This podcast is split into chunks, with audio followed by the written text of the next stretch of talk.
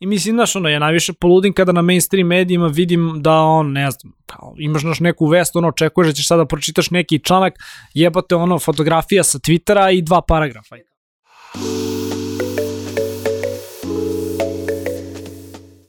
Poštovani slušalci i gledalci, dobrodošli u specijalnu epizodu Netokracijanog Office Talks podcasta. Kao što vidite, kod nas je praznična atmosfera.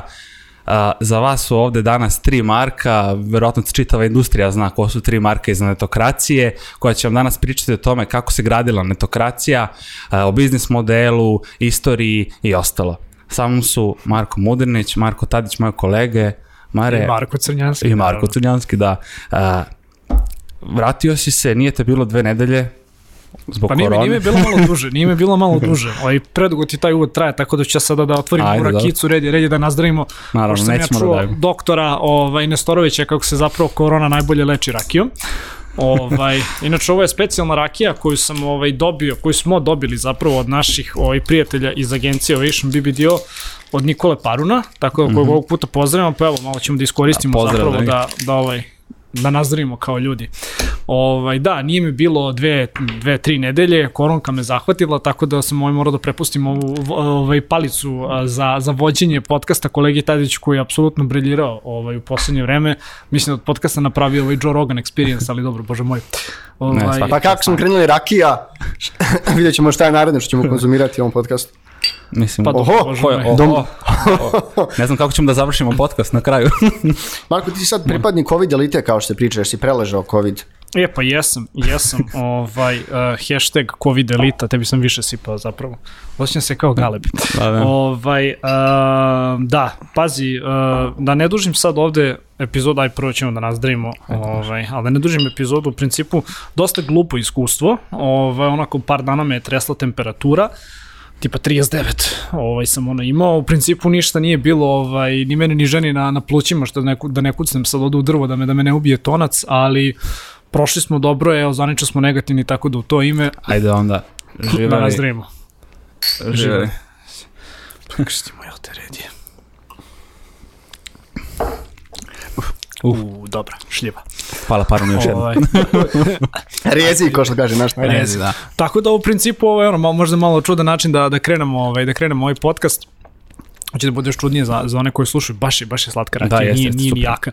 Ovaj, ali eto, prežive smo ga ovaj, što, što se toga tiče, a, mi, mislim da videli smo kao ovaj, ono, juče, juče su zapravo, ovaj, danas je ponedeljak kad snimao epizoda, Mhm. izlazi ovaj, u četvrtak, ja sam tad već uveliko na odmoru, ovaj, ali, znaš kao, ove nedelje nam je hit bio to što se desilo na, na Twitteru sa Sanjom Marinković, sa ovom Minjom Miletić i sa naš čitom tom ovaj, um, strukturom uh, ljudi, da onako baš jebeno licimerno, brate, da se okupljaš u tolikom nekom broju i znaš kao mani me tih priča, te privatne proslave i to sve. Te bra, znači ono kao kad me tresla temperatura, znaš, nisam se baš ono sad ono toliko pribojavao da ću da umrem, ali znaš kao nekako ti je non stop u glavi podsvesno to da zaista imaš ljude koji se bore sa ovom ovaj, ono jako ono, strašnom bolešću koji su da kažem ono na respiratoru koji su na nekom bolničkom lečenju a opet isto tako znaš kao žao mi je i možda sam to, ne, to negde ja ovaj, shvatio više, žao mi je nažalost i tih ono, medicinara koji prosto moraju da rade, znaš kao, da. nosio sam zbog ono nekih snimanja koje smo kasnije imali, onu masku uh, N95, znači onu full face masku sam zapravo nosio čitav dan, toliko me ovde bolelo ono ispod očiju ovaj, od jednog ili dva dana koliko sam nosio, znaš, medicinari na primjer to nose ono kao svaki dan, tako da ono malo više pameti ovaj, od svih nas mislim da nam nije nije na odmet, jer ovo stvarno nije ono neka stvar za, za zezanje. Slažem se skroz. Tadija, ono, imali smo dosta izazova ovde u redakciji, kao što je Mar rekao na početku, ti si preuzeo, doduše svi smo preuzeli, ali i ti si imao zaista par sjajnih epizoda. Kako ti je, kako ti bi mislim, evo, ajde da približimo malo, ovo nam je, čini mi se 30 epizoda, e, dosta su A, bile dobre, 29. 29. možda, 29. da. Tako da... Ali u e, i- principu, pre- skoro popređu smo, Da, da, da. da. skoro popređu smo negde polovinu godine, jel da? Pa mi smo negdje u junu, julu krenuli. 52, tako, nešto. 52, tako nešto, u stvari da. ne, 52 epizode, 26, baš mi slabo matematika. Da, krenuli smo nešto u junu a, i, o, sa kako smo preživjeli karantin, tad smo bili tek izašli iz karantina. Ovo je šest- kako smo preživjeli koronu. da, tako je šest meseci kasnije, uh, došli smo do 26. i 27. epizode uh, i pravimo pauzu naredni, pošto je Božić naredni četvrtak, tako da se družimo sa ljudima od 14. Uh, bilo je zanimljivo, Uh, imali, imali smo, mislim da su epizode bile dobre, jer su gosti prvenstveno bili baš uh, bili su sjajni, a sa dobrim sagovornicima je lako raditi razgovor, intervju ili jednostavno uživati u, u tom sat vremena razgovoru i ostalo. Naravno, Kažem ja, brate, Marko Tadić Experience. bukvalno. Posto profesionalni voditelj, nema šta. Ovaj, Ti si imao ideju da mi zapravo danas pričamo o tome kako je nastala netokracija, jel da? Pa da, mislim da že- želeo sam kroz ovaj epizod da, da onako dočaramo ljudima uh, šta je netokracija, uh, kad, kad je krenula neku istoriju, kad, kad ste vas dvojica u firmi, kako smo uopšte gradili ovaj brand, da ne kažem kako smo gradili uspešan IT medij, ne znam da smo još uspešni, ali, ali idemo ka tom putu. Tako želeo sam da neka naša iskustva rad ovoj industriji, koje je dosta onako zanimljivo, ne klasično neko medijsko, da kažem za te vas novinarsko iskustvo, želeo sam da malo popričamo o tome i da vidimo ka, kako se uopšte industrija promenila ovih 6-7 godina ili 8, Marko, koliko si ti tu. Kako je uopšte bio tvoj početak u industriji? Mator sam ko Biblija. A, pa dobro, ajde, ovo je, ovo je, ovo je baš pričano oko nekakvu zrakicu. Ovaj, godina je tipa 2012 ako se ne varam. I zapravo sam govorio o nekim tim početcima ovaj, kod Minića u, u, u Pojačalo podcastu, ali godina je 2012. Uh, Crnjanski i ja smo tada na, na faksu, studiramo novinarstvo I ja negde skapiram da, znaš, ono, lepo je to što ti dolaziš na predavanja, koleginice su slatke, kafa u obližnjem, obližnjem kafiću isto tako ovo je dosta ukusna, ali, a, znaš kao, nema ništa realno od toga jer a, sediš u ono, amfiteatru i bukvalno slušaš a, priče nekih ljudi koji nisu ušli u redakciju dugi niz godina.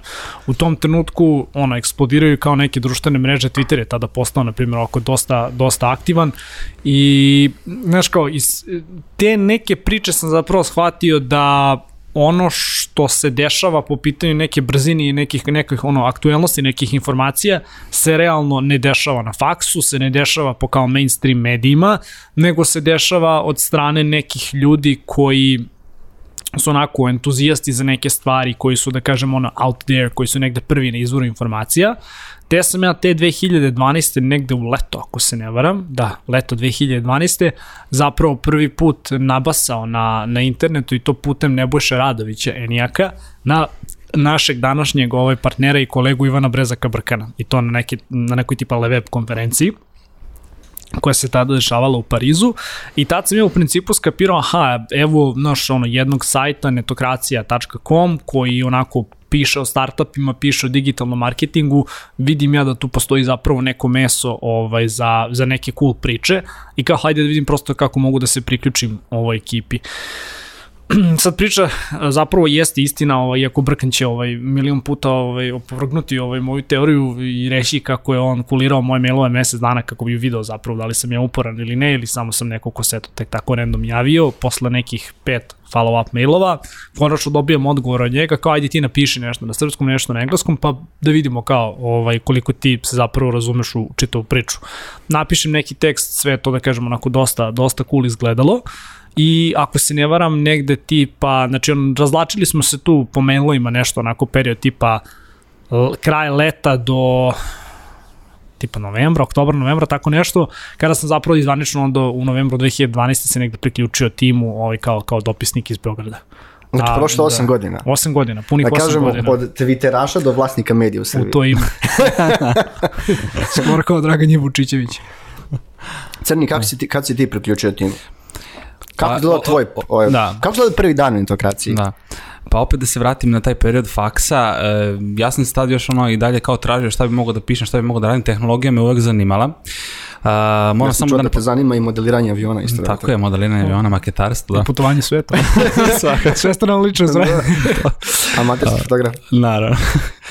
uh, da kažem, tehnologija me zanimala, međutim ja sam u početku, to je bila četvrta godina faksa, prvi semestar, e, bio sam u sportskoj redakciji Blica, jer sam ono, uvek sport pratio, a tu sam bio nešto dva meseca, nije to, nije to bilo toliko ok, nije mi se dopalo iskustvo tamo, atmosfera i ostalo, i onda je baš tada Mare došao sa pozivom, Tome zapravo mora da radi.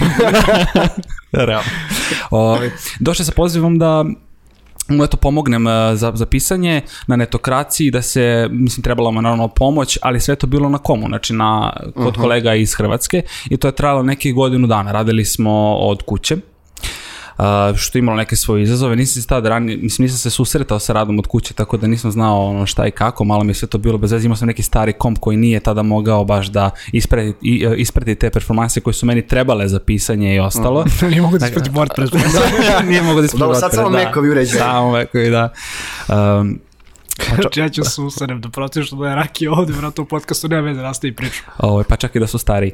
E, da, on, kažem, došao je poziv, to je trajalo godinu dana, pisali smo za hrvatski sajt e, .com, e, dopalo mi se iskustvo, bilo je stvarno sjajno i fleksibilno radno vreme i sve, stvarno je bilo super, Mari, ja smo se znali sa faksa, imali smo neka slična interesovanja, što nam je pomoglo da se vrlo, vrlo brzo uigramo. I na kraju, naravno, došla je ideja za osnivanje uh, RS domena, znači netokracija RS, kolege iz Hrvatske htjeli da, da prošire biznis na Srbiju, otvoren je portal u februaru, mislim 15. čini mi se 2000, 2015. 15. 15. februar 2015. Tako je. godine. još malo šest godina. Tako i pamtim, 15. februar 2015. godine, gde smo uh, imali i prvu kancelariju, uh, sada da zvučimo ovako, uh, kao da kažem kao neka rima. Budi, budi, budi, budi nostalgičan. Naravno, stara zgrada i uronula fasada, ali, ali, ali, ali to je bio centar grada i mislim, super je bilo iskustvo, to je bilo ono prvi kanc, koje smo delili sa nekim drugim ljudima i zaista je ono bilo, da kažem, moje, ono, moje prvo iskustvo rada van kuće, odnosno u nekoj, da kažem, improvizovanoj kancelariji. Uh, samo no, smo ta... kancelarija je bila sve, brate. Slobodno reci, bila, svoj put bila da sve, naravno. naše kolegu Peru, ovaj, da, Petra sa, iz Tango sa, Sixa, sa Petrom koji smo zapravo Sixa, delili da. prvu kancelariju.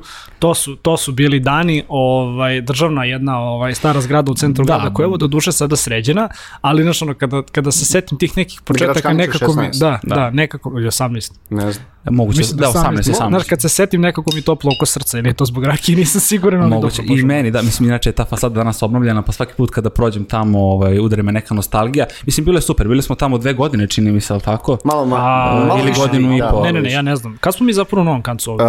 Uh, septembra 2018. 2018. Se- 17. 17. A 17. da, Sedam, okej. 17. negdje Mhm. 2007. Avgust, septembar 2017. Nemoj da presušiš, daj.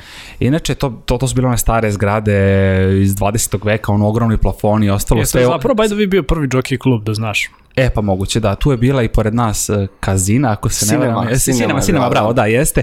De, de, se sećam nekad i kad smo ostajali kasnije, jer se tada ono radilo, prosto smo želeli da izgradimo nešto uh, super cool kad je, kad je pitna ta medijska scena, ostajali smo do kasno kada su, kada su zapravo počinjale žurke u sinemi i to je eto i, i, i nosilo svoje izazove, do duše nismo bili u sinemi, da, da sam kažem nismo, nismo posjećivali Ni e, on, ja cinema. jesam. Dobro, okej. Tako da kažem, uh, prvo smo krenuli, sećam se, baš, baš je bio ogroman nered u toj kancelariji, stare neki kartoni, papiri i ostalo, samo dva stola, sve smo to sami preuredili, bili smo samo ovaj, Mudrinić i ja, da kažem sve nekako sa te neke redakcijske strane tada krenulo, od- odnosno bazirao se čitav sajt na nekim vestima, kraćim, širim i ostalo. Dakle, nismo mi odmah krenuli sa nekim e, većim i, znač, i značajnijim sadržajem poput analize, intervjua, sve se to postepeno, kako sam ja sticao više iskustva, uh, postepeno se menjalo i onda smo, naravno, odlučili da se širimo, došli do toga da si i ti tad i ja ovaj, Da, došao. došao, ti, eto, si, da. ti si naredne godine došao, ali evo, pre nego što, pre nego što otpočnemo, ovaj, zašto je to, da kažemo, ono, potpuno novo poglavlje Da. da. netokracije, ali znaš kao u početku smo se, da kažem, baš onako dosta bazirali na tim nekim vestima, na nekim uh, kraćim možda intervjuima. Mi smo tipa, mislim, tek pre dve godine i pričat ćemo ovaj, malo, malo o tome više kasnije, ali mi smo tek pre nekih zapravo dve godine ovaj, se više fokusirali na taj long read sadržaj, te nam da kažem vesti da. kao takve negde nisu ovaj, u fokusu, osim ako baš nije nešto, nešto Jest. veliko i značajno, ali u početku, znaš, ono kao to su, to su ti neki ono delovi sadržaja, ali ti pieces of content koji su nam zapravo pomogli da, ono, da naučimo da pišemo, da znamo da oblikujemo tekst za digitalnu publiku, a, da naučimo da komuniciramo prosto sa našom publikom i to je da kažem tih ono par nekih godina, ako sad sve to da kažem iz ovog nekog ugla posle ono 8 godina manje više poslovanja, a, izgleda da kažem kao neka daleka prošlost, ali znaš kao kad ti zapravo shvatiš koliko je tu ovaj da. koliko je tu da kažem i tekstova objavljeno i sve. Mislim, možda smo trebali, ali sad mi je krivo što nismo, ali da negde makar izvučemo presek Ja mislim da koliko imaš smo zapravo tekstova, tako je nešto. E, hiljadu i po na e, RS WordPressu i oko sto i nešto na komu, tako da, da, ali To je- kažem, sad to kad, je, kad to bi, je, brate, to je, brate, baš Znači, značajno. kad bi Da. statistički izvlačio, ne znam tačno koliko, kažem, ti žanrovi ozbiljniji su došli malo kasnije, dakle, analize... Ali dobro, gledaj, gledaj ukupno, da, tekstova, ali upravo kažem, znaš, ono, pa svakako da, svakako, znaš, ono, kažemo, ono, kao, ajde, probat ćemo makar ono u opisu da izvučemo, kao, kol- koliko je, koliko je tekstova obavljeno Da. Znači, ti si ukupno. crni imao to iskustvo rada u Blicu gde si došao u netokraciju i prestao da pišeš caps lock naslove. Tačno, ali- ali ti ogromne su razlike da, bile. Da, naravno to je da. Ti si, Mare, uh, bio jedno kratko vreme u TechCrunchu, a oni koji ne znaju, TechCrunch je jedan najpoznatijih svetskih medija koji se bavi tehnologijom, sa neki preko 10 miliona unique readera na mesečnom nivou. Da, i kao, i kao šta mi bio da se vratim. Da. Šalim se, ovaj, a, šest meseci sam ja u principu bio, bio tamo, ovaj, to je neka pauza koju sam zapravo napravio ovde. ovde Koje godine to bilo? Jo, ne sjećam se. A, 13. ili 14. nisam To je bilo pre nego što je Crni došao u tim. Pa ili u tom nekom periodu, nisam siguran. E, ja se sećam, bilo je pre. Bilo je Aha. pre. Sećam se da smo tada baš pričali o tome da li, da li će da ostane e, tamo, da li da nastavi u netokraciji. Sećam U se, ja- principu, ja, što mislim, jednostavan je odgovor kao zašto nisam nastavio da gradim karijeru tamo, ovaj, zato što da bi se izborio za ono što bi rekli screen time ili da bi se izborio zapravo za, to, za priliku da napišeš ono neki tekst, treba, a kao naš mene su unajmili da zapravo pišem tekstove o timovima i startupima iz ovog dela Evrope. Pritom ajde da kažeš što je ono period pre tipa 6-7 godina. Kada čitava ova industrija nije bila toliko velika, nisi imao zapravo toliko nekih, da kažem, uspešnih priča, a s jedne strane imaš, da kažem, medij koji je globalan, koji, znaš, ono kao, investicija od 500.000 evra ne predstavlja ništa, znači, ono, kada se objavljuju i pišu tako neke vesti, znači, ono, govorimo o više milionskim zapravo negde, ono, rundama, i onda, ne znam, tipa, imaš kao u tom trenutku startup ovde neki iz Beograda ili iz Novog Sada koji ti posiguro, ne znam, 50 ili 100.000 evra, znaš, kao za lokalno tržište, to jeste vest. Za globalno tržište to nije ono ni pisan na paket. I onda, znaš, ono, kada zapravo provališ da dolaziš danima i iznova, iznova ti pičuješ neke priče koje smatraš da su interesantne zato što kao, hej, ovo su nove ono nade domaće startup industrije i kao treba im dati ovaj nekog prostora. Kada shvatiš da urednici prosto nemaju ovaj sluha zato što je potpuno opravdano. Znači govorimo o dva potpuno odvojena ono ballparka ovde. Znači govorim ti o lokalnom tržištu i o globalnom. Onda shvatiš da jednostavno kao ne želim da provedem ovaj ono meseci i mesece trudeći se da ostavim neke kontakte i da znaš ono kao pušujem svoje neke priče da probam da makar budu objavljene, a da znam da od toga nema ništa. Onda sam se brže bolje vratio ovde i zapravo dobio priliku da ono, da gradim svoj medij, da gradimo manje više ovaj, u narednim godinama ono netokraciju u Srbiji.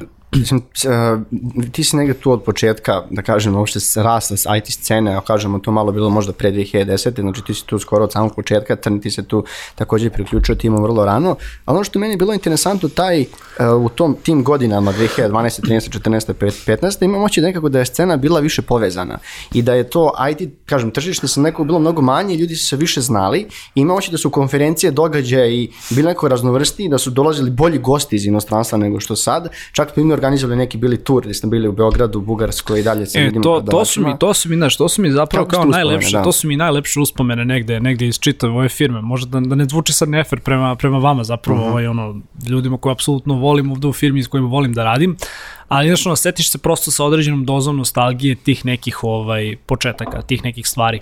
To je bila jedinstvena prilika, mislim, tako sam se zapravo i povezao sa, sa Tekrančom, da su mi tadašnjeg njihovog urednika, ovaj, Johna Biggsa, uspeli nekako da kažem da, da privolimo da dođe ovde ono kao u region jugoistočne sećam se tih Evrope. Jesi ti tad bio u timu? Nisam, ali si mi pričao tada, mislim, Nisam, bili smo na da. faksu, da. Gde je zapravo ideja bila veoma jednostavna, ali znaš kao nekako, nekako je bila i nenormalna, jer znam da smo se Ivan i ja ovaj, tada bukvalno u Zagrebu ovaj, ono posvađali, Uh, jer kao, mislim da smo u tom trenutku tipa prešli 2500 km, ono, znači govorim ti da imaš jedan meetup svaki dan vezano, znači išli smo tipa sa dva automobila, bilo je Beograd, uh, Sofija, da, glavni grad Bugarske, Sofija, Znači, tipa u Sofiji, ne znam, ono, lupam bio prvi meetup, pa smo sutradan trebali da se vratimo u Beograd gde je bio drugi, pa je preko sutrada, preko sutra zapravo bio meetup u, u, ovaj, u, u Zagrebu i znači, znaš, ono, to je stvarno intenzivno kada ti voziš toliko dana. Onda smo napravili jedan dan pauze pa smo imali, imali tipa meetup u Ljubljani. I to je bilo super cool iskustvo zato što za jako kratko vreme, mislim, na, negde me malo podsjećalo na, go, na Gumball, ako onaj, na onaj rally, ako Da, znaš, da, da, super da. automobilima. Uh, jer šta je fora? Konstantno, znači ono si u pokretu, uh, on čovjek dođe, znači on organizuje meetup, zapravo mu je bila ideja da negde ono kao više upozna lokalnu scenu u Sofiji, u Beogradu, u Zagrebu i Ljubljani, jer ti godina nisi imao negde velike startupe ovaj, sa, sa tih tržišta, evo tek vidimo ove i prošle godine da zapravo imaš prve negde velike izlaze, to jest exite. I kao u tom nekom trenutku je to bilo super zato što ovaj, zaista imaš jednu facu ovaj, ono, na svetskoj globalnoj startup sceni koju dovodiš i onako, pružaš ljudima mogućnost da se upoznaju i da dobiju negde priliku da pičuju svoje ideje ovaj, tekranču. Do dušu u tom trenutku nismo znali da oni zapravo traže mnogo veće cifre, da traže negde mnogo veće priče, ali nema veze, to ti je taj neki ono prvi moment upoznavanja. Bilo je jako cool, opet sa aspekta naš ono, organizuješ četiri događaja u četiri različita grada u roku od pet dana i mislim imaš negde i taj ono road trip ovaj experience, da imamo stvarno neke ovako super priče, ovaj, i da kažem neke ono prosto šale ovaj, sa, sa tog ovaj meetupa. uh, Peđi iz Digitalizuj me, uh -huh. ovaj, koji u nekom trenutku ovaj, staje, ja se sad ne sećam više ni gde je to bilo, da li negde u Hrvatskoj ili, ili u Srbiji, ne zaista više ne znam, da kao moramo da stanemo, tipa kasnimo i kao šta je, kao moram da kupim breskve i kao čovjek koji dolazi tipa sa ne znam ono kesom oprnih breskvi, kao poslužite se. Ovaj, znaš, i kao tako neke stvari, ovaj, ono, sećam, mislim, to su sve naravno jako lepe uspomene, sećam ih se veoma, veoma rado, ali znaš kao, u tim nekim prvim godinama to je taj entuzijazam koji nas je, da kažem, vozio da gradimo nešto veće i nešto jače, i nešto naravno uticajnije, a evo 2020. godina je mislim da smo da kažem makar ako ništa u ovoj godini kada je ono digital eksplodirao na sve strane pokazali zapravo ono koliko smo dugo tu, koliko smo da kažemo ovaj ono uticeni za te neke stvari i koliko smo eto zaista ono jedno od retkih mesta da ti možeš ovaj da dođeš i da pročitaš neke cool i konkretne priče iz ono IT-a, digitalnog marketinga i prosto iz čitavog ovog našeg ono digitalnog života. Zanimaš ti neku uspenu na taj period prvi godina u firmi, da ste ostao kao što je Marko bilo upečatljivo. Šta bi ti izdvojio? Sami početci, misliš? Da, da.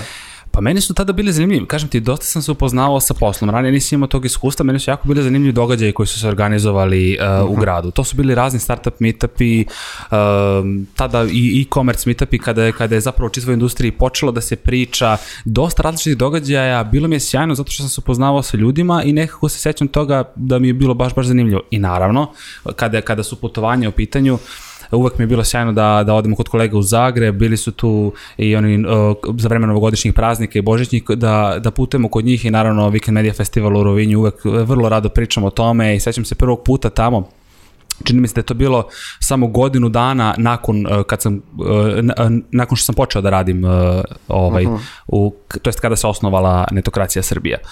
Eto, mislim to to su meni sjajne priče ono, ono što bi izdvojio Tako da, da, to je u principu ta putovanja. Putovanja, da. putovanja, znači znaš sad, da, da, mislim, još, mislim, još jedna kao lepota ovog posla što zaista ono stigneš da proputuješ, ajde, ova godina mi je takva kakva je, nismo išli ni u Rovinj, znači nije bilo Weekend Media festivala, to su negde uvek ono, znaš kao, one, da. one, one, oni lepi trenuci kojih se zapravo sećaš ovaj, kada, kada govoriš negde o radu u ovoj firmi, jer uvek kao kolektivno ovaj, ono, odemo u Rovinj i to bude ovako bukvalno čitava fešta sa sa ono timom ovde iz Srbije i sa timom iz, iz Hrvatske. Uh, ali uh, znaš kao ta neka putovanja su mi onako baš nešto što mi na primjer ostalo urezano, urezano u sećanje. To Mislim, sam, još da. jedna, čisto ono kao da, da negde može za slušalce i za gledalce, ovaj, ono, prosto ilustrujem tu stvar. Znaš kao, ovaj posao je težak. Ovaj posao je težak u smislu da konstantno moraš da budeš na izvoru informacije, da konstantno moraš da pratiš neke stvari, ali sa sobom nosi i neke jako lepe trenutke poput toga da ne znam, kao, znaš, ovaj, ono, bio sam na nekim od najvećih ovaj kao tehnoloških sajmova i ono ekspoa u Evropi. Uspeo sam da dođem ovaj do Kine, znači da slušam tamo, tamošnju njihovoj zapravo lokalnoj ovoj startup sceni. Evo imali smo planove za ovu godinu zapravo da odemo u Ameriku da malo posetimo Sil Silicijumsku dolinu, što nažalost zbog čitave situacije sa koronom se, se nije desilo. Takođe bila je ideja da, da se ode i na South by Southwest, ajde, bože moj, biće, biće prilike ovaj dogodine ili, ili one tamo godine, ali znaš kao, lepota ovog posla leži negdje u tome što ti zapravo konstantno radiš sa ljudima, upoznaš neke zaista ovaj, ono, interesantni ljudi, neke njihove ideje i prosto vidiš tu negde da ova industrija koliko god mi govorili da tu jesu, da kažem, pare negde ovako dominantne, da ipak imaš i dalje one ljude koji negde voze entuzijazam prema tehnologiji i prema kreiranju novih proizvoda i to je da kažem negde ono što je makar mene lično održalo u ovoj priči toliko dugo. I dosta je sve nekako, bar se meni čini bazirano tim događajima, mnogo su značajni, mislim posebno konferencije, kažem ti kad sam počinjao da radim, meni je to bilo jako zanimljivo, upravo zbog ljudi, upravo zbog tog networkinga i, i ostalo. Mislim, događaj je jedan od osnovnih, osnovnih stvari kad gradiš zajednicu. Kad, smo, kre- kad je krenula uopšte IT zajednica, uh, ti događaji su bili mesto gde se ljudi viđali, družili, da. bilo je, ovaj, nekad čak i bili tweet-upovi vezano za to. Bilo je, U čoveče, sad, sad si baš onako da, da, blogomanija davno koju su organizovali što ranije. Mislim, poenta jeste da ti događaji po, pomažu da zajednica raste. Danas mi imamo mnogo više događaja. Nažalost, ove godine su svi bili online gdje nije isto iskustvo, ali samo pogledaj prethodno 2019. gdje smo imali, ti imaš te e, konferencijske mesece, tipa od marta do kraja maja i od početka septembra negdje do kraja novembra. To imaš, ovaj, sad kad pogledaš sad i pre, ne znam, x godina, to je ogroman broj događaja kojih ima sad. I uopšte nije više tako lako, ni uopšte napraviti događaj koliko se izdvaja od drugih, jer ih imaš dosta dobrih. Ne, Slažem se. nego što Pa da, nekad. isto tako s jedne strane naš, imaš i i to da su određeni ljudi i organizacije skapirali da u ovom ima para i onda su krenuli bukvalno da kopiraju događaje, što je da kažem možda neka druga strana priče, a to je da naš ono, tržište je sad i preplavljeno, ono, prošle godine makar je bilo preplavljeno nekim događajima, jer onda ta neka prava vrednost ne, ne, ne dođe do, do izražaja kada svi do jednog, da kažem, ono, rade manje više isto stvari, ali nećemo o tome. Naravno, da. Mi- Mislim, samo sam te dodam za, za, za te događaje, ajde, ja opet pričam sa strane redakcije, M što donese neke nove teme, uh M što čuješ neka nova predavanja, edukativne ostalo, upoznaš nove ljude, to je sve ove godine izostalo i opet s druge strane ta putovanja razbiju tu monotoniju koja teče čitave godine. Na primjer, i sami znate, ove godine smo bili zatvoreni u karantinu i ostalo, trebalo je održati taj kontinuitet koji ja mislim da smo mi sjajno izvukli čitave ove godine, svih 365 dana, iako nismo imali priliku da, ono, ajde, malo izađemo uh, van kancelarije, odemo do Rovinja, do Zrenjanina ili gde god, gde se održavaju neke super, super konferencije, eto. Da, mislim, to jeste ovaj, jedan deo ovog medijskog posla. Da. Kako bi ti, Marko, ocenio ovaj, medijsko tržište sad i pre, tvoji početci i sad? Da li misliš da je više diversifikovano, da li misliš da ima više medija koji pišu o ovim stvarima koje mi Pa radimo? vidi, da li je vidi napredovalo? ima, vidi ima, u nekom pogledu jeste napredovalo, u nekom pogledu jeste nazadovalo. Ovaj, osjeću politički korektan, pa neću baš sad ovaj da, da, da budemo onako full iskren. Mislim da treba prosto da sljuštimo više ovog, ovog magičnog pića da, da, da bih se otvorio. Ali da, pazi, um, definitivno je tržište negde uznapredovalo. Mislim da su ako ništa makar naši klijenti, jer uglavnom radimo da kažem negde sa IT firmama iz, iz, iz našeg da kažem prosto regiona, iz našeg negde domena, mislim da, da su one shvatile zapravo opet s jedne strane vrednost sadržaja, i ulaganje u sadržaj i da onda kao negdje žele da rade sa netokracijom. Još jedna jako bitna stvar je da mi jesmo generalno firma, firma koja nema ono neku veliku mrlju ovaj, ono, na, na, na sebi i znaš kada si reputabilan medij, kada na taj način gradiš negde ono, svoj uticaj i, i da kažem ovaj, svoje mesto u ovoj industriji, ljudi to, ljudi to ovaj, jako lako i prepoznaju.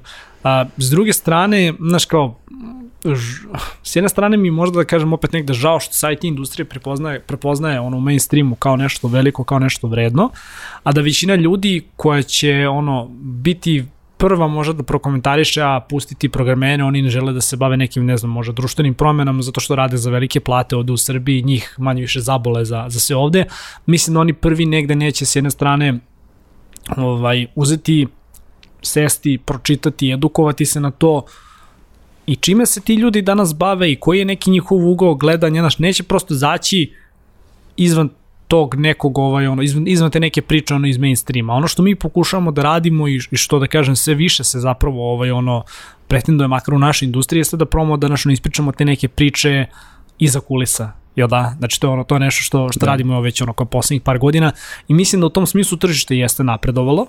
Uh, u pogledu budžeta svakako je napredovalo ali i dalje to nije na onom nivou na kojem bih i ti i ja kao dve osobe koje se negde najviše bave zapravo i, i ono i razvojem poslovanja i prodajom, znaš, nije to još na nivou na kojem bismo mi voleli da bude.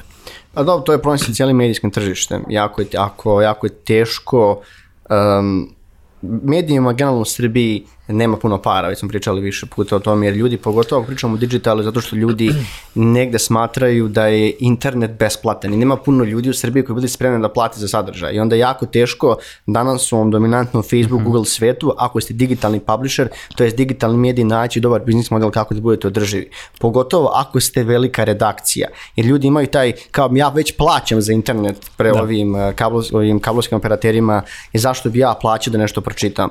To je generalno naša negde, ne kažem loša, nemam tu kulturu plaćanja za neke pretplate, sadržaje, pa pogotovo za te digitalne ove, pretplate. Može to bilo negde davno kad su imali te magazinska izdanja 90-ih, 80-ih ili 2000-ih, ali problem je što ljudi nisu dalje navikli da uh, plaćaju digitalne sadržaje, osim Netflixa koji opet smatraju drugačije stvari. Pa dobro vidi, stvari. plaćaš Netflix, plaćaš Deezer.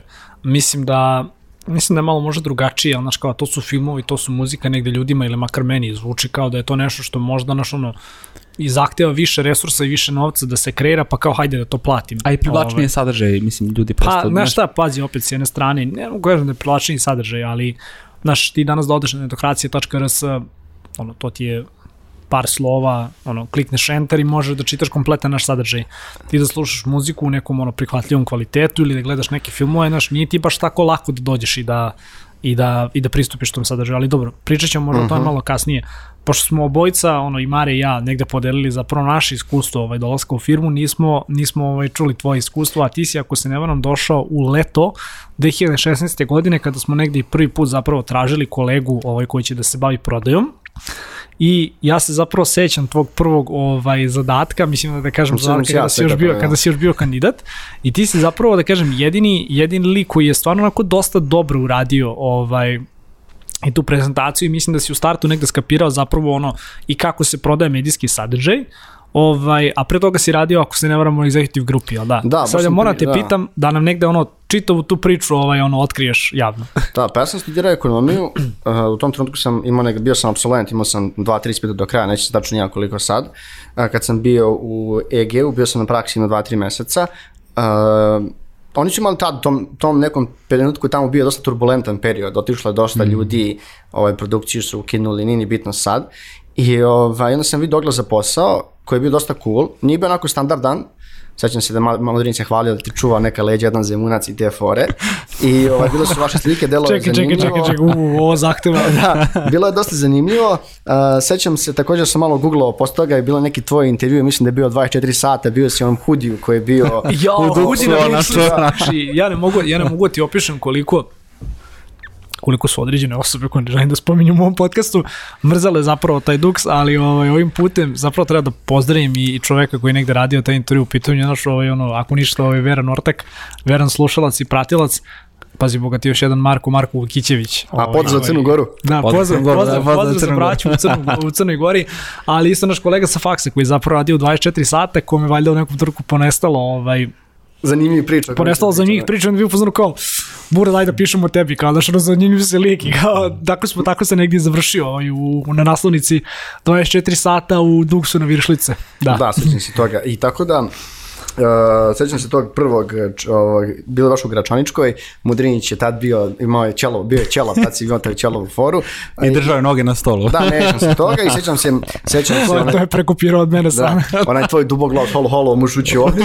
Bili smo ovaj, kod Pere, bili smo kod Pere u Kancu, da smo nešto pričali, bio uključili smo Josipa preko Skype-a, Josip je vodio tad Biz Dev u Zagrebu i generalno u celoj firmi, imao sam taj zadatak, uradio sam, prošao i ovaj, krenulo je. E, mislim da negde baš sam bio onako gladan, e, ne mislim gladan bukvalno kao ovaj, možete mi photoshopirate majicu posle ovde. Da, inače se, inače ubacimo, inače si, ovaj inače čovjek si je realno, gladan. ali inače si realno lik koji u firmi najviše voli da jede.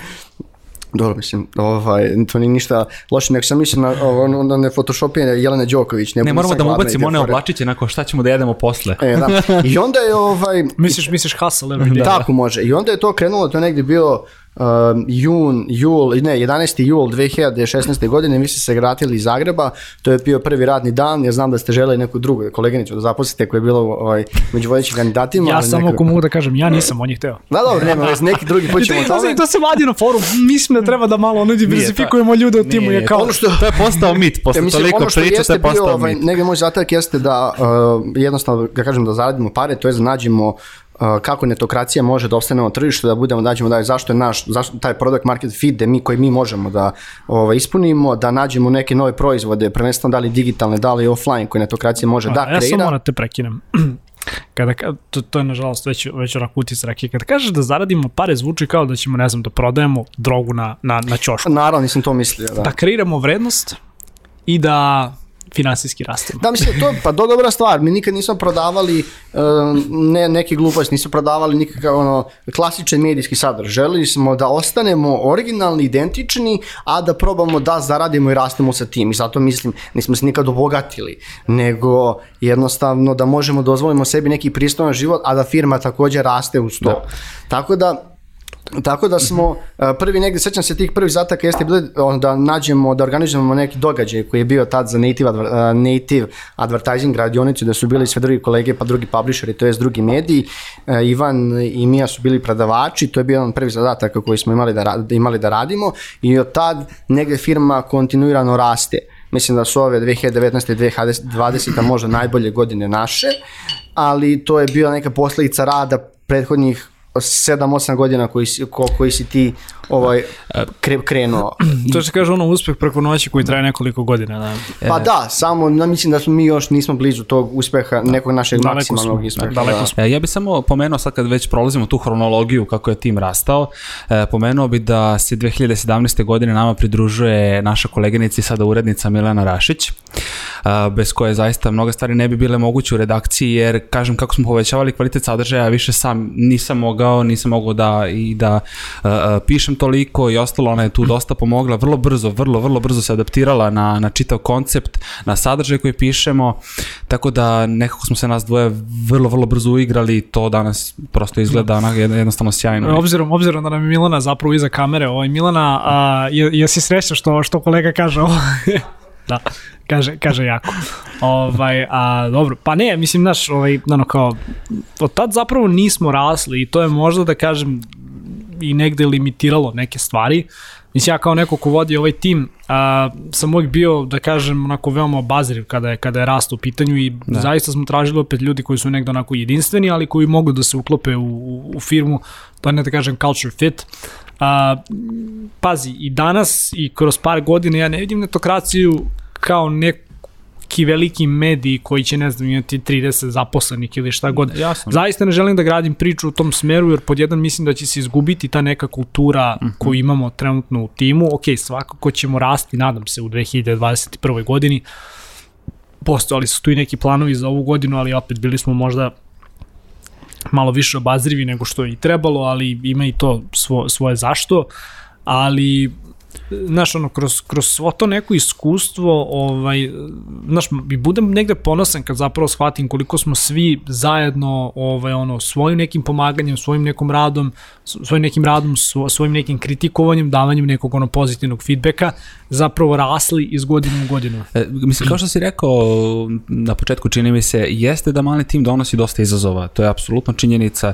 Uh, evo, ove godine je čist, čist primjer da smo imali dosta posla i dosta nativa, uh, dosta native teksta, mislim, može tad ja kasnije da priča o tome, ali, ali donosi dosta benefita jer prosto uigra, u, uigraniji smo, znamo se dosta dugo, znam, bukvalno znam kako Milena radi, ona zna kako ja radim i da. znaš, sve to neko ide da. fluidno. Mislim, dođeš čak u određeni trenutak, znaš, ja se često zezam, ali ovaj, Tadić i ja smo Tadića smo kao ono muž i, muž i da, supruga. Da, to, to. Ovaj, nećemo, nećemo, nećemo da određujemo ko je ko, ali znaš ono, we finish, we finish each other's sentences. da. da, ajde, realno. Gay, okay. Realno, gay. Pa, gay jeste okej, okay. mislim, pričali smo o tome ovaj, u, u epizodi sa Nikolom, Nikolom Parunom, ali verovatno, verovatno sam ja veća, ovaj, veća gospođa u ovoj vezi nego nego što sam da, da. Ja. Ne, ajde ovaj da da ne, ne dužimo pretarano epizodu. Što Tadiću, da. ja volim, ja volim, ja volim kad epizodu traje sat vremena. Još kad radi, ja, naši slušalci i gledalci, da. Ajde ovaj da, mislim da ne baš kažemo ljudima šta je netokracija, na kojim nekim osnovama. Ajde, ajde ovako, kako naš kate... Ovo sam zapravo skapirao da je, da je najgora moguća stvar.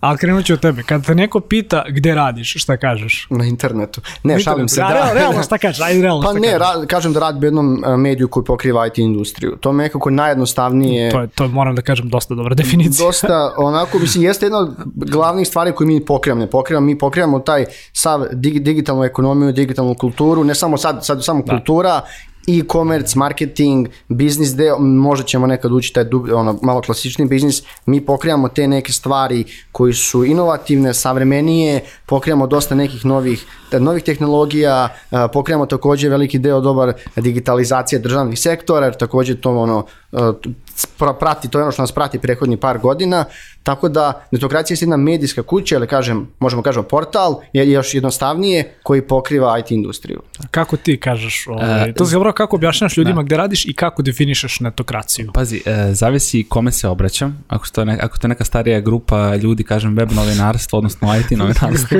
ali, Ali- to starije ali- gospođe. Dosta rakije za mudrenje. ali, ali, ali ne smem dalje da ne smem dalje da otvaram karte jer ljudi prosto neće razumeti. S druge strane, e, pitao si me kako šta definišem? kako, znaš ono, kako, kako definišeš netokraciju? Šta je netokracija za tebe? Pa realno netokracija za mene je jedan ono digitalni hub, bukvalno edukativni. Ja, ja, ja, ja netokraciju gledam kao edukativni sajt, jer uh, sve ono što mi radimo ja gledam sa strane edukacije. Dakle, uh, svi tekstovi koje radimo, bilo koje žanre da su u pitanju, je nešto što plasiramo u javnosti u etar, što bi se reklo da edukujemo zajednicu, uh, znači na bilo koje teme i to je nešto što, što mene zapravo Pa najviše ti privlači. si, ti si htio da budeš učitelj kad si bio mali, Jesam, tako da, da, ta edukacija tržišta, edukacija ljudi. Naravno, da, da. Crnjanski, je, naš, Crnjanski je naš digitalni Jovan Memedović. Što da ovaj, ne, mora neko s te tradicionalnije strane. Apsolutno. Da. Ovaj, a, ne, pazi, znaš, meni, meni isto, na primjer, kao njemu jako komplikovano da, da, da kažem ljudima gde radim. Jer tipa, ne znam, da radiš u u nekoj velikoj firmi, ala, znaš, kada kažeš ljudima, brate, radim u Microsoftu, niko te ne pita gde radiš, jer kao znaju da radiš u Microsoftu. Kada kažeš, ne znam, radim u Coca-Cola ili u Pepsi Da, ili da. radim u Ikea, znaš, to su imena koje su ljudi čuli. I onda kao, Jesu, da. Ti si neki korporativni lik, znaju da si u nekom biznisu i znaš, niko te ništa ne pita. Sad ti njima dolaziš u to šta ti radiš. Kada kažeš ljudima s jedne strane da si preduzetnik, ja ne, znam šta ljudi misle. Ako im ne do Bože za neke stvari kažeš pa bavim se nekim konsultingom, freelancer sam, pod jedan misle da ne plaćaš porez. To, je, to se sad već pokazalo ovako kao, kao istina. Pod dva ako kažeš, znaš, direktor sam ono poslovno tehnološkog IT medija, tu te već gledaju kao, ček šta, ti si Željko Mitrović, a ako kažeš direktor sam, to mi nekako zvuči Pečenjar. kao da vozim, da, to mi nekako zvuči kao, znaš, ono, da možda imam pečenjeru, da radim u nekoj ono firmi koja se bavi lupiću metalurgijom, što naravno ništa loše protiv toga, ali, znaš, jako mi je teško da negde definišem zapravo čime se ja bavim. Iako znam čime se bavim, a to je da, znaš, ono, kao, vodim, ono, digitalnu medijsku kompaniju koja se bavi kreiranjem sadržaja, to je najšira moguća definicija onoga što je netokracija, A, a opet, znaš, ono, jako zavisi od toga kao kojoj se grupi ljudi obraćam. Negde najviše volim da, ono, baratam, negde najviše volim da se krećem u krugu IT-evaca, jer kada, kada kažeš ljudima da je netokracija, opet to su ljudi koji su ti zapravo glavna publika. I oni te znaju i oni će da kažemo odmah na keca da reaguju zato što su sigurno čitali tvoje tekstove, uvažavaju te i kao to je cool, njih, njima ne moraš da definišeš. Da, pa mislim, problem jeste, Srbi vole stereotipe, to je kod na našoj ovaj, istoriji nekako baš se prožima uh, ti, ti stereotipi za sve. Uh, lep, jedan, mislim, svako ima neku svoju definiciju i možda, ono, ne, ne, ne, možda nije sad baš lako dati preciznu definiciju, zato što mi radimo dosta stvari i nismo nekako klasični mediji. Od, od, Mi smo, mi smo najdalje od klasičnog Da, najdalje od jer taj klasičnog model, taj model je zasnovan na klikovima, na ono senzional, senzional, Na naslovima, da. Cionalističkim. Sim, naslovima, neću prestati. A na tim naslovima je zasnovan, znači ono, clickbait masivan, da do mi donesemo klikova, da mi prodamo preko ovaj, ono, platformi, a nećemo ih imenovati zbog dobrih odnosa, da mi podamo, prodamo preko platformi ono što više banera, idemo kampanje, kampanje, kampanje i mislim, znaš, ono, ja najviše poludim kada na mainstream medijima vidim da on, ne znam, kao, imaš naš neku vest, ono, očekuješ da ćeš sada pročitaš neki članak, jebate ono, fotografija sa Twittera i dva paragrafa. Je da, novinarstvo jeste ovaj, nekako u ovoj 2020. sam bukvalno svaki drugi naslov u našim medijima jeste uprzo sa Twittera i pravljene priče oko I, toga. i, i brutalno. Da, da, da, to je nova reč, šta, ali- ali- brutalno, ali vidi, vidi, vidi, reč. Vidi, mi smo, mi smo brnuli igricu, zato što zapravo, znaš kao ono, ja sam negde prve priče, na prve neke ljude, prve neke, da kažem, ono kao osnivače, startapa, neke super cool ono priče iz digitalno, naletao na Twitteru i onda ih kontaktiraš, pa znaš ono, hajde da uradimo priču, sedneš, ono, uradiš intervju sa njima i negde smo brnuli krug, jer danas u principu se nama ljudi javljaju, Da. ovaj, a mainstream mediji, znaš, ono, skeniraju Twitter kako bi napravili bukvalno, ono, još jednu, ono, Senz, senz vest. Senzionalističko, da. Da. Snimili smo ovaj podcast, a onda nećete verovati šta se potom desilo. Da, brutalno je Brutalno- odgovorio. brutalno odgovorio. Da, da, brutalno sam te Oni su se napili u podcastu. da. To možda ti, kao da krenemo. Ne, a, hajde, ukratko ćemo vas upoznati sa nekim biznis modelom na, na kojem E, netokracija ti se počiva. baviš biznisom, ti pričaj, to ime. Ti Da. pričaj u parama. Jeste, mislim, uh, ovaj, Mi smo Prvo, negde- Tadiću, jel mi možda živimo od ovoga? Da, tebe Pa za sad možemo, vidjet ćemo kako će biti za koju godinu. Jel ima posla? Da, ima posla. Uh, mi nismo nešto osjetili nikakav pad sad ove aktivnosti i prihoda ove 2020. godini, možda je to do duše. Konferencije se nisu Nisu. održavale zbog očiglednih stvari, ali smo da kažem prosto ono, jednu stvar smo zategli, Jest, drugu to, stvar smo to. odvrnuli i posvetili smo se da kažem u većem obimu kreiranja sadržaja. Da, znači, idealna opcija bi bilo svakom svetu novinarstva da vi pišete neki kvalitetan sadržaj da ljudi vas plaćaju za to. To je i o, inače kako bi možda klasifikovali netokraciju nekom, ako ste malo stariji slušalac, možemo da kažemo to neko nedeljno izdanje nekog časopisa. To bi možda bio najbolji po meni, najtačniji šta je netokracija. A ne, došli ne mi svaki dan objavljamo sadržaj. Mislim, mi jesmo, mi jesmo da kažemo ono magazinski format blogerskog karaktera. To je, to je definiciju zapravo naša Mija Biberović ovaj, osmislila još pre par godina. Jer ti kad pogledaš naš, dosta naših tekstova, negde ima ono ajde da kažem, Autorska, tekstova da. makar ko ja pišem, jednom u nikad, ali ovaj, naš, negde ima da kažem tu neku onu ličnu, ličnu notu, ali naš, to jeste magazinski karakter, samo što smo mi ono, digital only mediji koji da kažem ono, više negde prosto funkcioniše kao blog. Da, pa Za neke može, stvari. da. Kao što smo rekli, to je bio neki idealan scenarij da vas ljudi plaćaju za to što vi pišete. Ovaj, to je u digitalu u Srbiji jako teško raditi. Mislim da u zadnjih 10 godina da je print došao po nekim podacima koji sam gledao, pre 10 godina je bilo oko milion dnevnih prodatih lažnih publikacija, danas je spalo na ispod 300.000, to je ogroman gubitak i ko jako, ko, možda vi ne vidite taj gubitak, ali mediji osjete finansijski prvenstveno. Da se Je- lažemo, dosta tih podataka se danas i lažira. Pa da, ali mislim da su to, ne, ne verujem da su to laženje podaci, to je stvarno palo. Kažem ti da je to Da, da, palo da, ali za ne, ne, ne, lažira se, da kažem, stepen tog opadanja. Garant se lažira. Pa dobro, moguće. Mislim da je sa ovom, sa ovom krizom još više palo, jer su ljudi sve više bili na internetu, Mhm. manje su kupovali print i mislim da će u godinama još više medija pokušati da evoluira na digital i da ovaj, prodaju svoje usluge kroz digital. Problem je što je jako teško naći biznis model koji održiv i daje ovaj, finansijsku sigurnost, zato imamo to clickbait novinarstvo i clickbait biznis model, to je display biznis model gde ljudi pokušavaju da što već, da privuku što veći broj ovih eh, čitalaca na svoj sajt kako bi dobili Da, taj naš, naš, naš, mislim, kad, da, kako bi dobili ono, i rič i sve i, i te neke pare od oglašivača, ali, ali meni je to, meni je ta čitava situacija ovako dosta urnebesna. Mene, znaš ono, mene danas rad u mainstream medijima koji su digitalni podsjeća bukvalno na ono trku u živom blatu. Što se više krećeš, realno više toneš. Pa mislim, to jeste problem, ako pratimo tu svetsku scenu, jako je malo publishera uspelo da ovaj, e, ima ozbiljne digitalne preplate. To je jako mali broj. Tako da ako neko kaže, e pa New York Times uspeo, to nije dobar reper, ka, vrlo, k- New York, Time, reper. New York znači. Times je sveti Znači, gral, znači, to ne možemo može se da porediti reper. sa njim, da.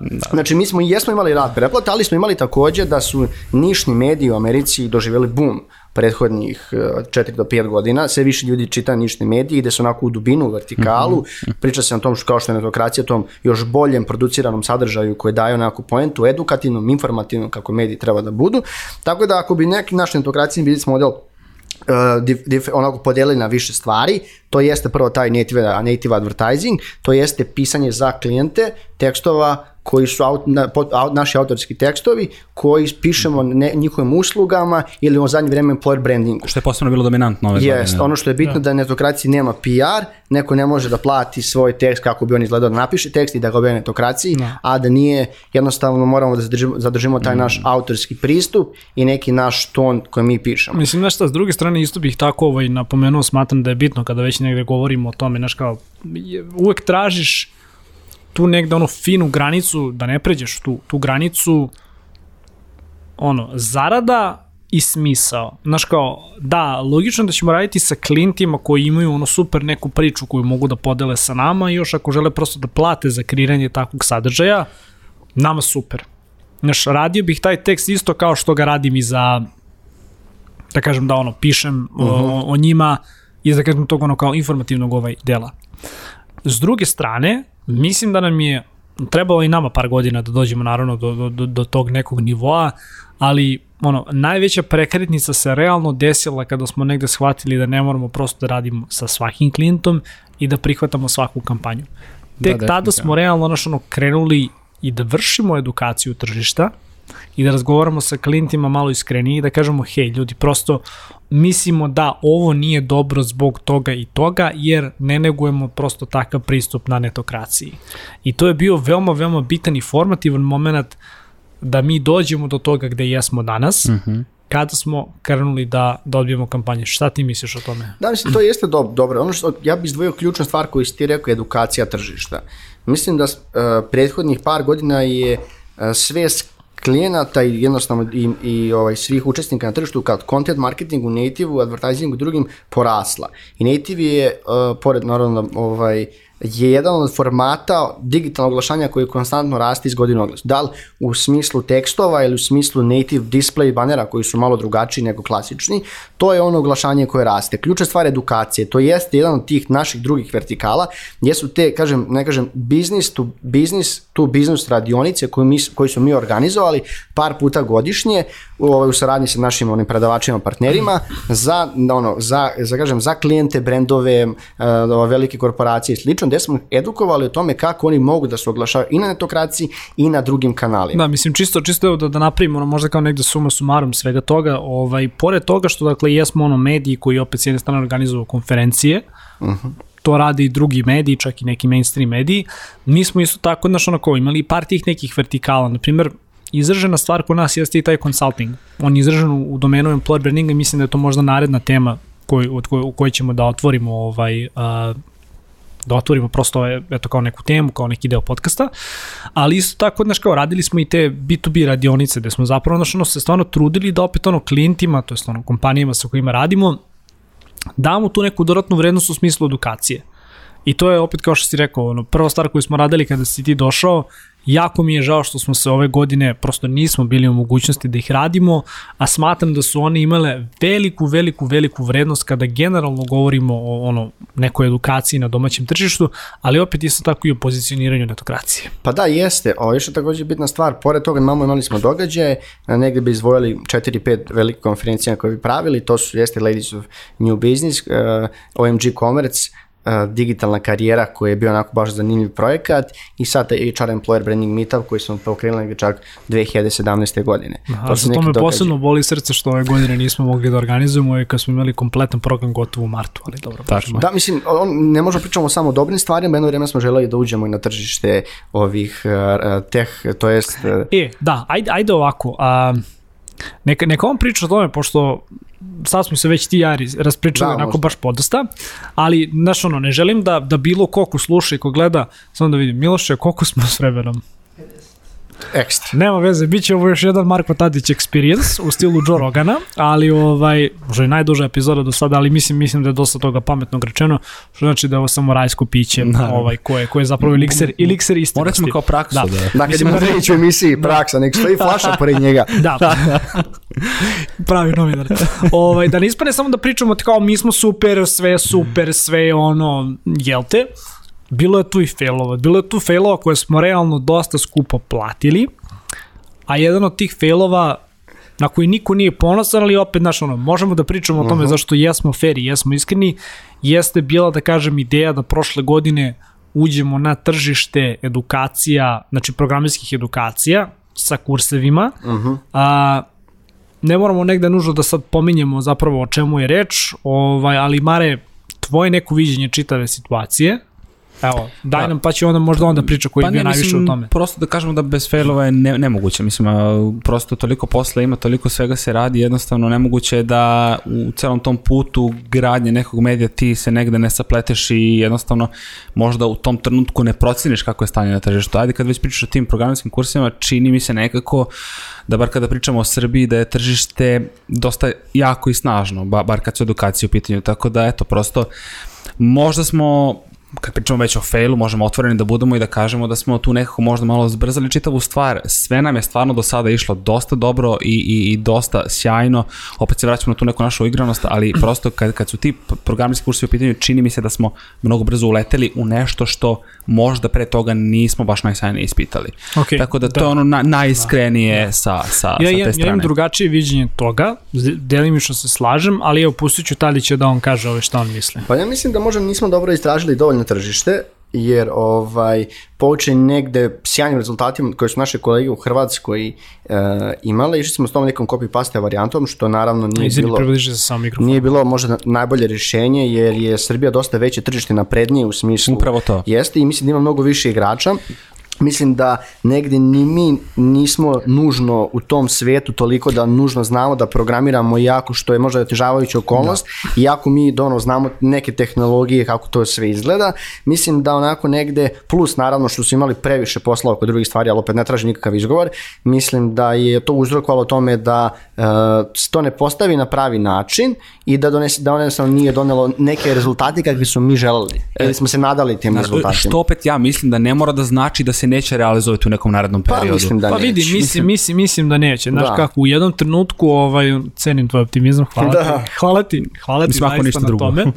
A, znaš kako, ne verujem da će se realizovati u našoj režiji zato što jednostavno posle svih stvari koje su se desile Milana kuca i tiše malo. Šalim se. Ovaj, posle svih stvari koje su se desile, mislim da jednostavno u nekom, znaš ono, dođe trenutak kada čovjek mora prosto sebi da prizna moram da podvučem crtu, da saberem koliko sam prosto novca izgubio mm -hmm. na ovo, a izgubili smo dosta novca, opet, s jedne strane naš malo, možda je malo lakše zato što je to novac koji smo opet mi zaradili svojim rukama, nismo prokoskali tuđi novac i zaista smo se potrudili da uradimo sve stvari kako treba, ono, by the book, po pravilu, mislim, ako krenemo prosto od, od ono kao angažovanja ovaj, od angažovanja predavača, do ugovora sa njima, znaš, ono, stvarno smo se trudili da negde i sa tog ono, da aktu, aktualnog poreskog stanovišta sve to bude kako treba. Shvatili smo u tom trenutku da model po kome mi radimo i model po kome drugi rade, da nisu identični i gde mi možda čak i dajemo veću vrednost, početnici koji bi se bavili programiranjem tu vrednost ne prepoznaju. I kao, E, posle određenog vremena smo rekli, ok, ovo nas je dosta koštalo, mm. To je bio neki novac koji smo mi odlučili da uložimo u nešto, shvatili smo opet na vreme da prosto ovo ne ide i kao, ok, nikakva frka. Da, mislim Prvi da je, realno veliki fail, ali isto tako mnogo toga naučenog iz istoga. da, mislim da je još bitno, bitno za naše poslovanje da pomenem da ste ti, Mija i Marko jedni osniv, osnivači netokracije, da mi nemamo... Ja, Mija i Ivan. Da, to, to sam da kažem, izvini, sad Mija i Marko, da, Ivan, te da kažem da a, mi nemamo možda nešto što drugi neki mediji imaju te upravni odbore, strane vlasnike ili slično koji zahtevaju konstantno rezultate. Tehnički mi imamo strane. Da, da, da, da, su vlasnike ili kako vlasnike, ali nekako sam kažem da imamo taj možda, onako kažem ti, e, možda uspeh, nije uspeh, nego jednostavno kažem, malo taj luft da niko ne sedi za vratom i morate da donosite tačno toliko para, rezultate i slično, nego imaš prostor da gradiš i rasteš polako. Da, mislim, znaš, ono kao, da ne ulazim sad u detalje, ali kao koga god zanima, ovaj, ono kao, ko su vlasnici netokracije, APR pretraga, netokracija DOO, mislim da ista stvar imaju u Hrvatskoj trgovinski, da, trgovinski sud, ali ima ono pretraga privrednih društava, tu vam sve stoji, u budući će se neke stvari i menjati, ali o tom potom, a, Da, smatram da to naravno jeste bitno. Znaš, s jedne strane ja nemam uh, nekog direktora, nekog šefa, nekog gazdu, nekog nezadovoljnog lika ili, ili, ili, ili neku ženu da mi znaš, ono, stoji za vratom i da mi ono kaže više KPI-eva, više rezultata, nego Više da znaš, ono, više para, nego da se znaš, kao poslujemo po modelu da mi radimo naše projekte, da imamo tu neku slobodu, naravno uz punu neku odgovornost. Mislim, evo, ja sam ono, direktor netokracije ovde u Srbiji, a s tobom Tadiću možda negde i najviše zapravo radimo ovaj, kada, kada je ono u pitanju prodaja, kada su u pitanju financije, ti ja i kada ustanemo i ono kada se dopisujemo ili čujemo kasno uveče, naš, mi znamo prosto koja je naša odgovornost i znamo da naš ono ne treba niko da nas tera da prosto prihodujemo i da naš ono od ovoga napravimo nešto veće, već je to ono što nam je prosto dato kao odgovornost. I imamo opet um, i mogućnost i želju, ali i tu isto odgovornost da isporučimo kvalitetne rezultate. Pa ne znam za vas, ja sam, ja, ja nešto sam razmišljao, nekom, vjerojatno sam bio u nekoj letargiji u nekom trenutku, pričao sam ti kad smo krenuli, nekako sam bio gladan uspeha, sećaš se, kao kad nešto uradimo prvi put, ti smo tako srećni, i onda dođe neki trenutak gde kao probudiš se, ja kao ne želim da, da živim, a na posao, ali nekako mi ne? se to vratilo, o, baš sam nekako, uh, da, da ovaj isp- ispadne ono previše Gary V, ali gladan sam uspeha kao ja i to dalje. zovem kao, kao da su neke, mislim ne neke, zapravo jesu oscilacije koje ti imaš uh, u poslu. To ti je, mislim, slično, ajde, ti si bizdev, ok, ali ja pričam pa sa, sa strane redakcije, to su te neke oscilacije, inspiracija, razumeš? Mhm, Sinonim, inspiracija, oscilacija. Dakle, da. da, sinonim su Druže, sve u sinonimima. Sve u sinonimima. da, mislim da smo prešli dosta stvari, ili imate nešto što bi dodali?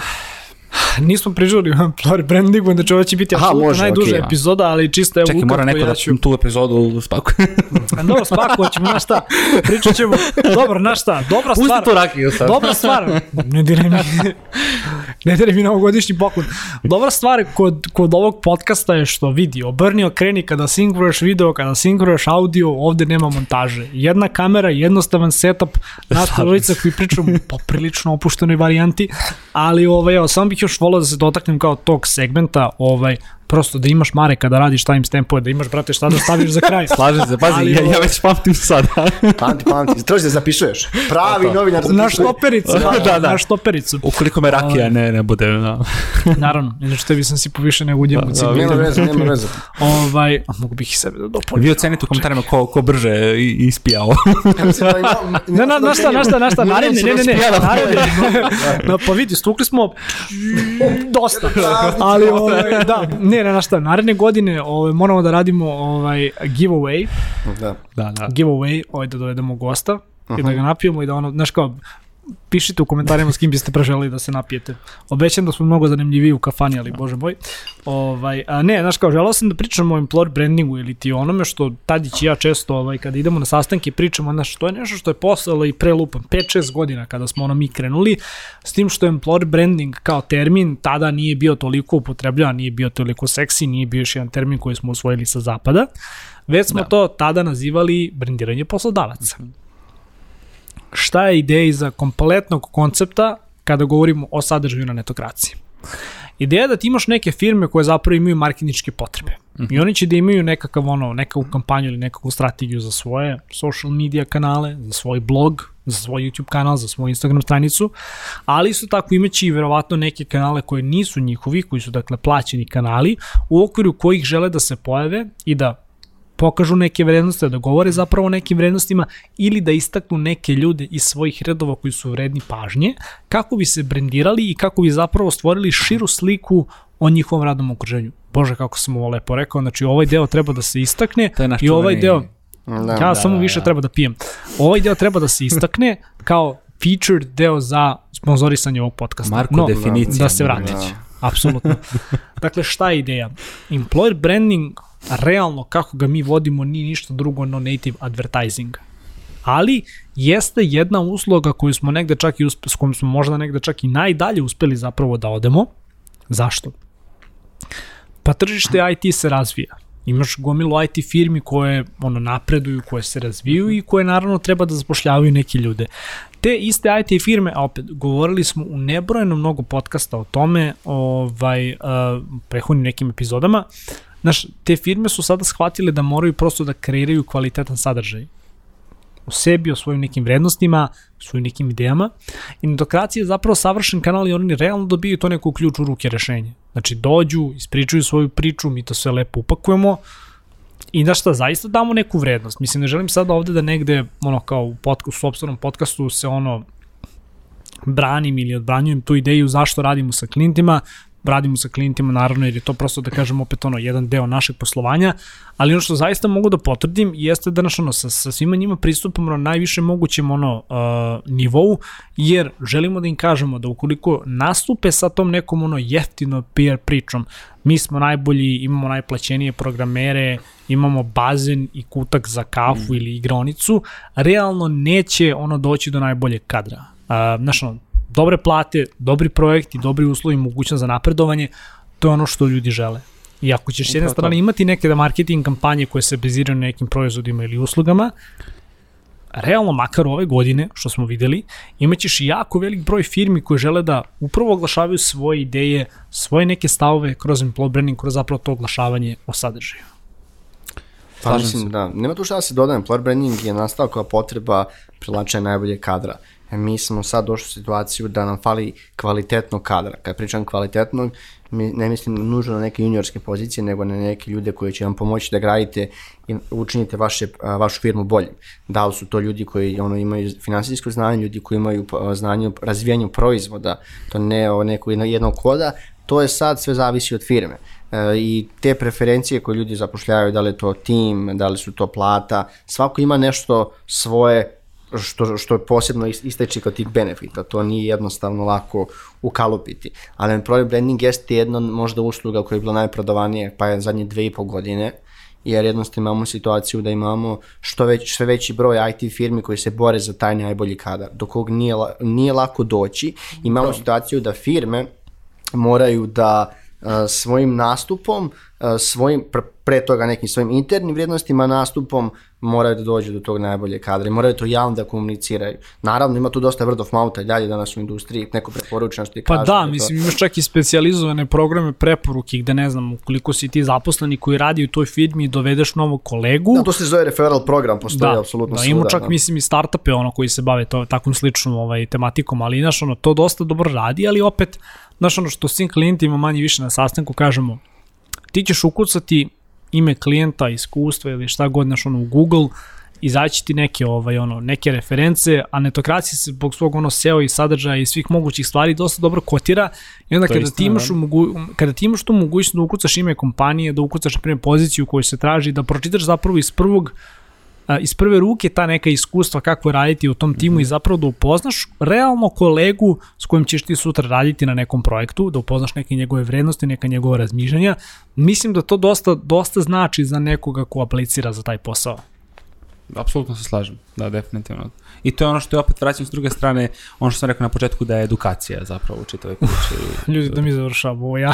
Da, mislim da... Sada je, sada je, Ima- jedan, ja sada je, sat vremena. sada je Da, ja pola želeo- dva, znači ja sam se već rašrafio od rakije. Ja ovaj, želeo za samo- kraj, da. resi, ajde. Ja bih želeo samo da našim slušalcima gledalcima poželim novu godinu. A pusti, čekaj, doćemo, doćemo ostalo, do toga, doćemo do toga, za kraj. Šta želite od netokracije u 2021. godini, Mare, krenut ćemo od tebe. Iskreno, želim da ostane, to jest da se preslika 2020. sa produkcijske strane i strane sadržaja, da ostanemo naravno svi zdravi i da bude više događaja. To je ono što ja definitivno ističem. Hvala ti, Mare.